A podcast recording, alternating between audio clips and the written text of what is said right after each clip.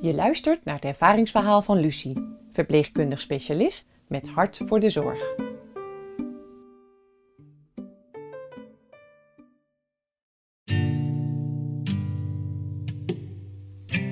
Het is vrijdagochtend. Ik doe spreekuur. Ik haal mijn eerste patiënt uit de wachtkamer.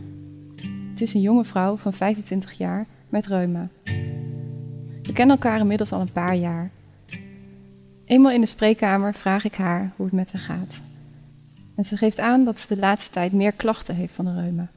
Ik kijk haar na op de onderzoeksbank, maar ik zie en voel eigenlijk geen ontstekingen van de reuma.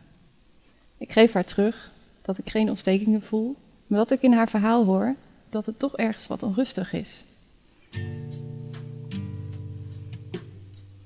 Op dat moment wordt het even stil.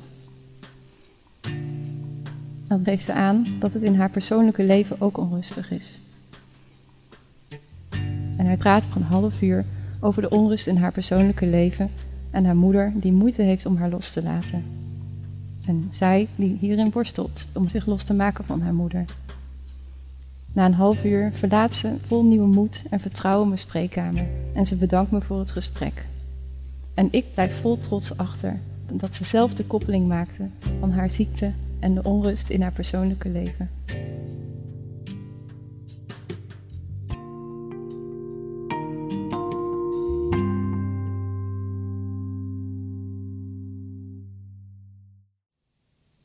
De serie Niet zozeer van zorgdragers bestaat uit meer mooie verhalen.